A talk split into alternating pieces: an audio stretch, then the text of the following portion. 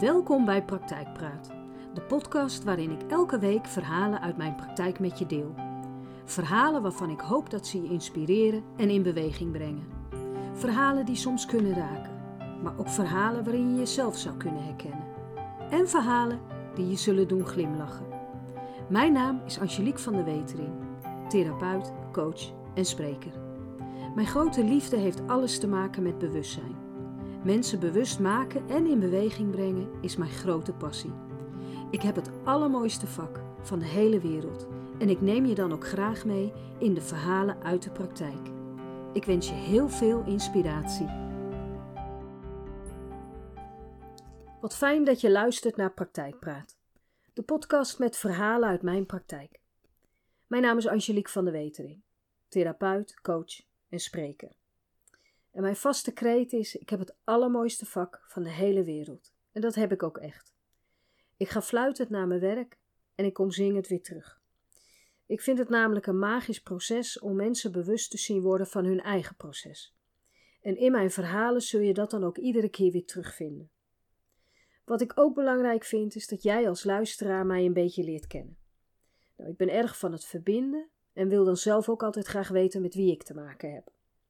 Nou, mijn naam is dus Angelique van de Wetering. Ik ben moeder van twee kinderen. De oudste is Nina, een sterke jonge dame van 23 jaar. En het mooie van deze generatie en leeftijd vind ik dat ze me regelmatig aan het denken zet. Haar kijk op dingen vind ik inspirerend en vernieuwend. En de jongste is Barra, een jonge man van 20 jaar, lief en zorgzaam. Barra is autistisch en ook hij laat me regelmatig zien waar het leven in de basis echt om gaat. Mijn eigen reis begint 51 jaar geleden. Ik was een gevoelig kind en al jong geïnteresseerd in anderen. Cursussen, opleidingen, trainingen en heel veel praktijkervaring hebben me gebracht waar ik nu ben. Een eigen praktijk en een grote passie en liefde voor het vak dat ik heb. Er valt zoveel te vertellen, maar nog veel meer te vertalen. Want wat mensen vertellen is niet altijd het hele verhaal.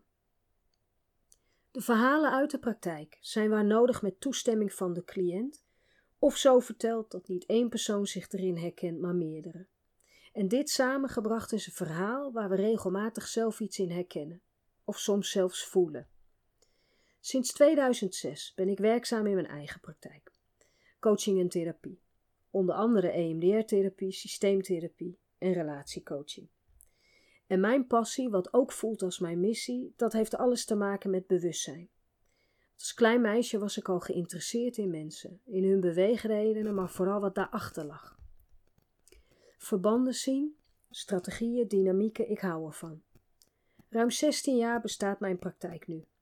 En steeds vaker bekruipt mij het gevoel dat dat wat ik nu één op één bereik ook in het groot moet kunnen. En zie hier, mijn eerste podcast, Praktijkpraat. De eerste aflevering van Praktijkpraat gaat over kwetsbaarheid. Want kwetsbaar, zo willen we ons liever niet voelen. Het voelt oncomfortabel en soms ook onveilig. En je kunt het gevoel hebben geen grip te hebben over de situatie die je kwetsbaar maakt. Dat vinden we nagevoel. En alles wat navoelt, daar blijven we het liefst mijlenver vandaan. En dat snap ik. Alleen zolang we dat doen, verandert er niets en blijft de situatie zoals deze is en blijven we ons dus kwetsbaar voelen. En dat terwijl er in kwetsbaarheid zoveel kracht verscholen ligt. En een mooi voorbeeld hiervan is het verhaal van Alette. Mijn eerste cliënt van de dag. Ik lees haar verhaal nog even door voor ik naar de wachtkamer loop. Weer bekruipt het gevoel dat er iets niet klopt. En dat maakt me alert. Goedemorgen, zeg ik. Jij moet Alette zijn. Ze schiet omhoog en weer bekruipt me datzelfde gevoel.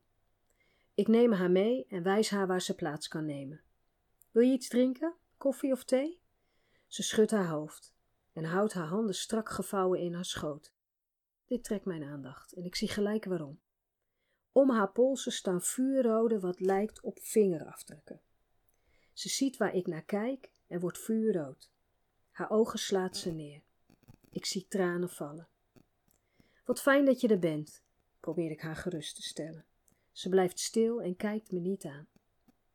Ik denk aan haar verhaal waarin ze vertelt over haar ouders, de ruzies die zij hebben en hoe ongelukkig ze daarvan wordt. Angstig ook, omdat haar vader dan verbaal erg agressief is. Ik kijk weer naar haar polsen en vermoed dat dat niet alleen verbaal is. Weer ziet ze mij kijken en zegt zachtjes: Ik wil het er niet over hebben. Ik glimlach en zeg: Dat hoeft ook niet, lieverd. We gaan zo beginnen met de eerste EMDR-behandeling. Zie je er tegenop? Eigenlijk wel. Al wil ik dat niet voelen, ik wil helemaal niets meer voelen. Ze zet de koptelefoon op en kijkt mij aan. Haar waterige ogen laten angst en onmacht zien. Pas 19 jaar oud en al zo belast met volwassen zaken. Verantwoordelijk gemaakt voor de sfeer thuis en het welzijn van iedereen die daar leeft. Ze sluit haar ogen wanneer ik haar vraag waar ze het meest last van heeft. Haar gezicht laat het gevecht met haar emoties zien. Alette, kijk mij eens aan. Ik geef haar de tijd om de confrontatie aan te gaan met de lastige vragen die ik ga stellen. Langzaam opent ze haar ogen en zegt: Hiermee. Ze brengt haar pols omhoog en staart naar de rode plekken. Ik blijf stil en kijk haar aan. Wanneer ik ervoor spring, dan weet ik dat ze veilig is en ik kan wel wat hebben. Nee, dat kun je niet. Je vertelt jezelf dat zodat je kunt doen wat je niet zou moeten doen: inspringen, proberen op te lossen en ervoor te zorgen dat je moeder veilig is. Ze slaat haar ogen neer. Ze wil niet horen wat ik zeg en niet voelen wat ze voelt. Ben je veilig nu? Of kun je eigenlijk niet terug naar huis? Veilig, mompelt ze. Mijn vader is twee maanden over ver voor werk. Ik denk na. Twee maanden de tijd om ervoor te zorgen dat er een verandering plaatsvindt. En of ze weet wat ik denk, zegt ze: Er moet iets veranderen voordat het volledig uit de hand loopt. Twee maanden vol tranen, onmacht en heel veel boosheid hebben ervoor gezorgd dat er niet heel veel later een Norse ogende man bij mij aan tafel zit. Hij probeert een setting te creëren met een intimiderend grapje. Dus jullie therapeuten hebben een paniekknop bij jullie. Ik kijk hem lang en strak aan. Een ongemakkelijke reactie die hem doet draaien op zijn stoel. Klopt. En ik ben niet bang deze te gebruiken, net zo min als dat ik gediend ben van zulke zogenaamde grapjes. Zijn gezicht verkleurt. Wat probeer je eigenlijk te verbergen met het gedrag dat je laat zien? Er valt een stilte. Ben je altijd zo direct? Ik kan een lach niet onderdrukken en zeg: in dit soort gevallen altijd. Dan hebben we dat maar vast gehad en is het jou gelijk duidelijk welke kant je niet met mij op kunt. Op dat moment zie ik iets wat mij bevalt. Zijn blik. Een fractie van een seconde kwetsbaar. Het is oké om hier te praten over je eigen kwetsbaarheid en de dingen waarvan je weet dat je ze niet zou moeten doen. Het is ook oké te praten over je gevoel, je frustratie en je boosheid over wat je hebt meegemaakt en hoe dat je gevormd heeft en hoe je daarmee je gezin op een negatieve manier raakt. Het is ook oké om aan te geven dat je muur vastzit en niet meer weet hoe je hier in vredesnaam uitkomt. Zijn ogen worden waterig. Het is ook oké om wanneer je zo groot bent als jij te huilen. Hele mooie gesprekken hebben we gehad. Gesprekken waarin ruimte was voor een stemverheffing en frustratie. Het heeft wel eens behoorlijk geknetterd. En wanneer ze met z'n drieën bij mij aan tafel zitten, zijn we het alle vier eens over hetzelfde. Het was alle tranen, frustratie en boosheid waard.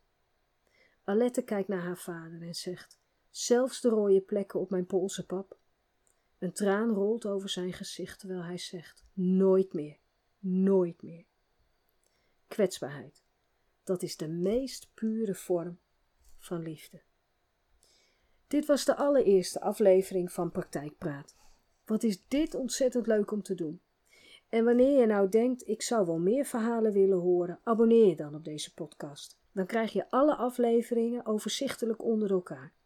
En zodra er weer een nieuwe aflevering gepubliceerd wordt, ontvang je automatisch een berichtje. Tot de volgende keer.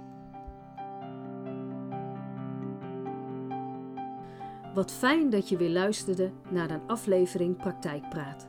Dank je wel. Zou je door middel van een review willen laten weten wat je van deze podcast vindt? Dat is heel eenvoudig. Ga naar de podcast-app waarmee je deze podcast luistert en klik op reviews. Laat bijvoorbeeld 5 sterren achter en wanneer je wilt ook een geschreven review. Heel erg bedankt.